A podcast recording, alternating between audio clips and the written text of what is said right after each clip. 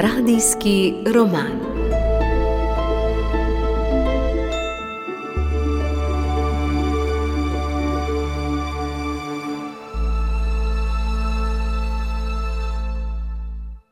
Dober večer.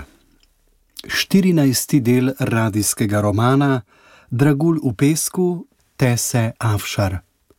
Knjiga je išla pri založbi Družina. Tokrat bomo slišali, kako so Hebrejci z božjo pomočjo zauzeli mesto Jeriha.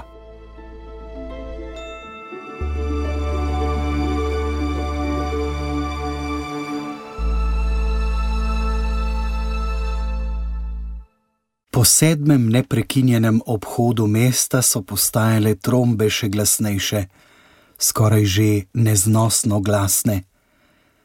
Potem je množica v en glas silovito zakričala, tako glasno, da so rahabi šli lasje po konci. Ob moči njihovih glasov so se stresla tla, z rokami si je zatisnila ušesa, da bi ublažila hrup. Čeprav si je zatiskala ušesa, je slišala, kako hrup še narašča, in začutila je, da so se tla stresla. Nagnila se je skozi okno in na svoji levi zagledala, da se nepremagljivi zidovi Jerihe v resnici rušijo. Drobili in rušili so se vse okrog njih. Hebrejci niso izstrelili niti ene puščice, niso imeli ognja ali oblegovalnih ovnov, zgolj s kričanjem je Gospod razrušil utrjeno Jeriho. Jeriha je bila poražena. Rahabi so se orosile oči. Odrevenela je od šoka nad tistim, kar je videla. Ko se je gost prah kamna in malte začel usedati, je Rahaba doumela razsežnost škode.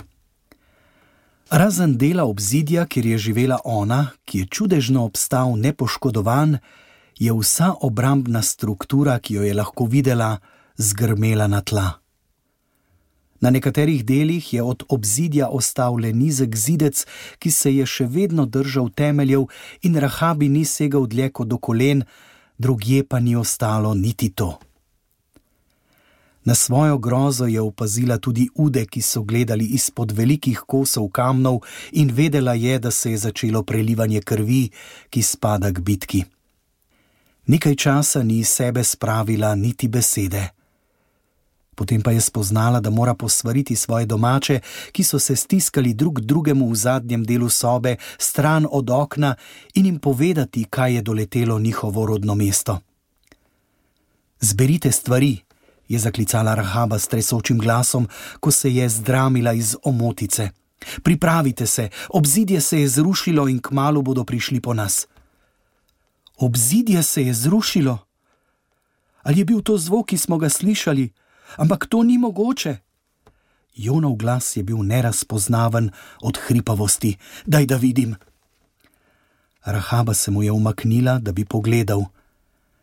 Njegove prsi so se stresle in iz ust mu je ušel neznaten glas: Ne, ne, kako se je lahko to zgodilo? Saj se ob zidju niti približali niso. Je bila to magija, močan urok? Ne. Rahaba se je spomnila, da jo je Ezra na hitro posvaril, da Gospod ne odobrava magije, medijev in napovedovanja prihodnosti. To je božja moč. Karem je prišel k Jonu. Glej, nekaj je pokazal s prstom. Vse obzidje se je zrušilo, ta del, kjer se skrivamo mi, pa še stoji. Če bi se tudi ta del zrušil, bi nas mečkalo kot tiste uboge ljudi. Zdi se mi, da nam je ta Bog prizanesel. Sredi najhujšega dneva v zgodovini njenega ljudstva se je Rahaba začela smehljati.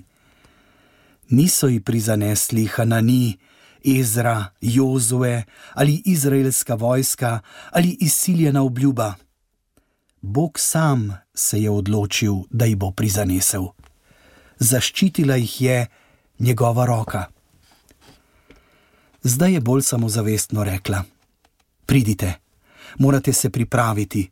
Ko bodo prišli po nas, ne bomo mogli odlašati. Vzemite, kar lahko nesete, kot sem vam rekla. Pustite tukaj, kar ni življensko pomembno.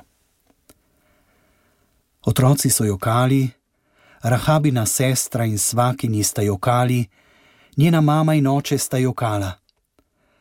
Brata sta si z obraza obrisala solze tihega joka in kot mesečnika začela pobirati cule.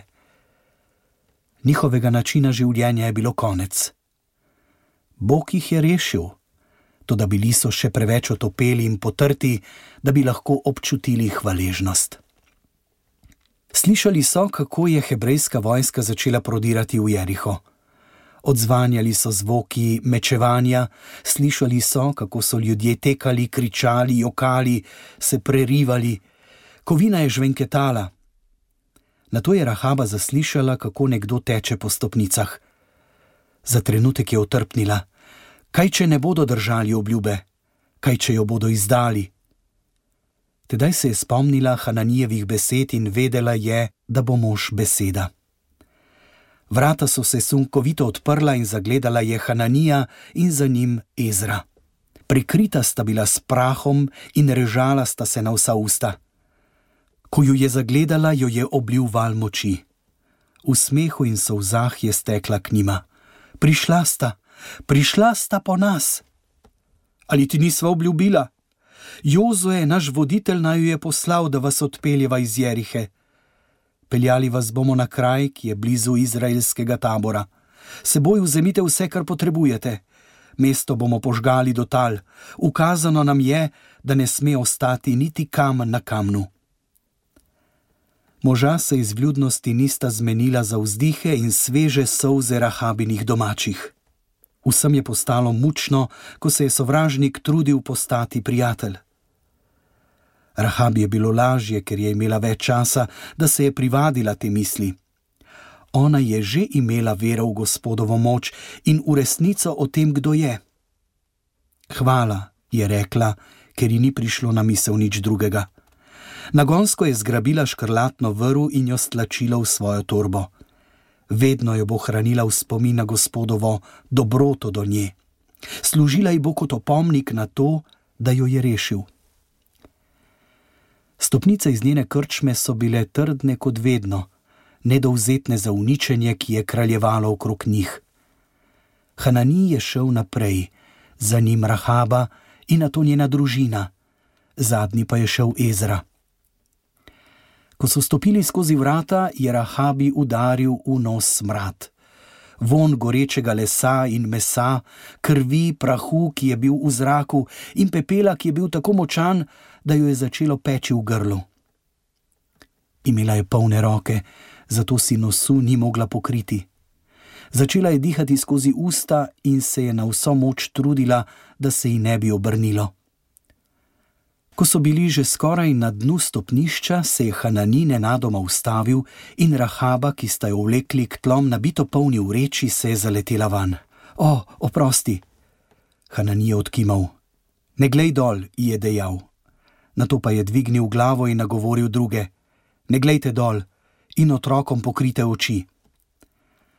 Rahabi je z obraza izginila vsa kri. Hanani je nadaljeval pot in sledila mu je, njena usta so bila suha. Na pragu vrat, ki so stala ob vznožju stopnišča, je brez življenja in okrvavljeno ležalo truplo. Da bi lahko nadaljevala pot, je morala Rahaba narediti dolg korak preko njega. Skušala je čim manj gledati, a je kljub temu videla, da se je vrat na truplu nenadoma in grdo končal tam, kjer bi morala biti glava. Ni uspelo zadušiti nejevernega hreščečega zvoka, ki je ušel iz ust.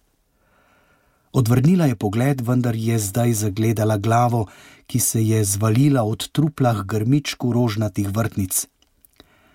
Oči na glavi so bile na široko razprte in usta odprta bolj od presenečenja kot od muk. Prepoznala je obraz.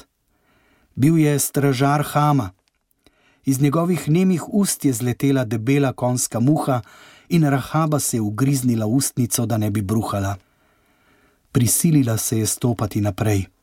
Pogled je uprla v Hananijev hrbet in se ni zmenila za nič drugega, kot za tisti košček blaga in mišice pod njim, ki so se ob vsakem koraku napele in sprostile.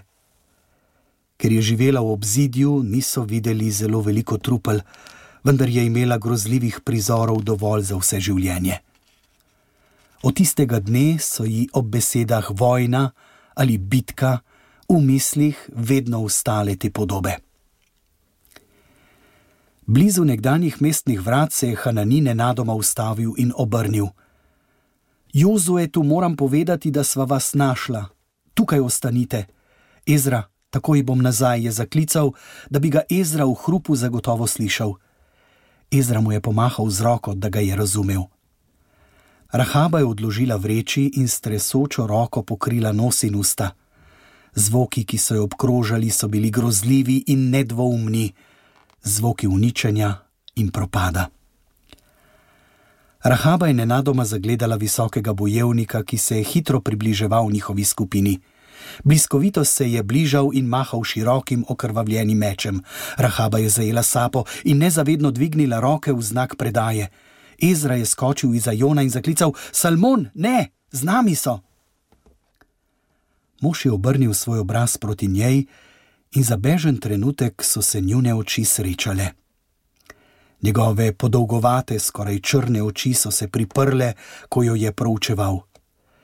Čeprav je bil lep, z lepo oblikovanimi ustnicami in izklesanim telesom, je vsako potezo njegovega obraza zaznamovala temna strogost, zato je bil videti vse prej kot privlačen. Bil je lep, a hladen. Spravi jih stran, preden jih kdo pobije, je belsknil. Tedaj je proti njim že tekel Hanani, ko je slišal njegove besede. Takoj bomo šli, Salmon, poročati sem šel Jozuetu. Rahaba je dobila vtis, da je mož jezen in nepotrpežljiv. Obrnil se je k skupini vojakov, nekaj zaklical, ti pa so stekli v bogat njegov ukaz. Šele tedaj, ko je obrnil hrbet, je spet zadihala. Z olajšanjem je spet stopila za Hananijem, korak za korakom, stran od ruševin njihovega ljudstva. Celo uro so hodili, ne da bi kdo prekinil tišino. Šele tedaj je Rahaba spet prišla do glasu: Boste napadli še druga mesta? Ja, je odgovoril Hanani. Pokimala je. Gospod seveda ni bil zadovoljen le z Jeriho. Ali ni debir tega povedal že pred meseci? Ob misli na nj so ji oči zalile solze. Zdaj je še predobro vedela, kaj ga je doletelo. To si je izbral sam žalovala je za njim, kajti bil je njen prijatelj. Ni več mogla govoriti. Izkazalo se je, da je bila njihova pot precej dolga, in čeprav sta jim Hanani in Ezra po najboljših močeh pomagala pri njihovih culah, so bile vseeno še zelo težke. Mlajše otroke je bilo treba večino poti nesti, Rahaba je skušala prezreti zbadanje v boku in po najboljših močeh ustrajati pod žgočimi sončnimi žarki. Znoj je risal neenakomerne črte po njeni koži, kjer je bila prekrita z debelo plastjo prahu zrušenega zidovja Jerihe. Njeni domači so se opotekali ob njej in se upogibali pod težo svoje žalosti in izgube, bolj kot pod težo svoje zemeljske lastnine. Rahaba je dvomila o tem, da so kdaj v resnici verjeli, da lahko Bog premaga Jeriho. Malo popovdnevu so prišli do nizkega hriba, katerega vrh so obkrožale palme in akacije. Za zdaj vas morava pustiti tukaj, jim je povedal Hanani. Jozue nama je naročil, naj v naš tabor poneseva novico o zmagi. Ko se bomo vračali iz mesta, se bomo ustavili tukaj, da vam prinesemo vodo v bližini ni vodnjakov. Rahaba se jima je priklonila. Rešila sta nam življenje. Tako kot si ga ti rešila nama, je dejal Ezra in pokimal. Hvaležni so bili za senco. Nihče ni bil lačen in otroci, ki so bili izčrpani od naporne hoje, so brez sitnarjenja pospali. Iza je pomagala Rahabi pogrniti nekaj odej, da sta ustvarili nekoliko prijetnejše razpoloženje. Med dve datljevi palmi sta tudi napeli rahabino škrlatno vrv in čez njo obesili odejo, da bi družinskim članom omogočili nekaj zasebnosti. Od zidov Jerihe, kodeji, kako daleč so padli. Odrasli so sedeli v gruči, da bi drug drugemu svojo bližino ulili nekaj poguma. Rahaba ni mogla pozabiti Hananijevega odgovora na njeno vprašanje, da bo Izrael nadaljeval vojno, ki jo je napovedal Kanaanu. In kaj se bo zgodilo z njo in njeno družino? Bodo prepuščeni na milost in nemilost drugih kananskih bogov in ljudi, na milost in nemilost naslednjega neubranljivega napada Izraelcev? Ali je tvegala življenje le zato, da jo bodo zapustili? Spoznala je, da si želi veliko več, kot je bil ta začasni predah. Želela si je trajno varnost. Želela si je pripadati ljudstvu, ki bi ga lahko spoštovala. Želela je Gospoda.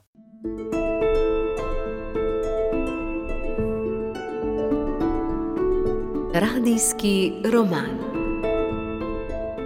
Slišali ste 14. del radijskega romana Dragulu pesku pisateljice Tese Avšar.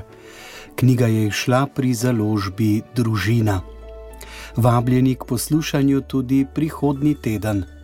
Takrat bomo slišali, kako Rahaba zaprosi Hebrejce, če lahko zaživi med njihovim ljudstvom. Radijski roman prebiram Jože Bartol.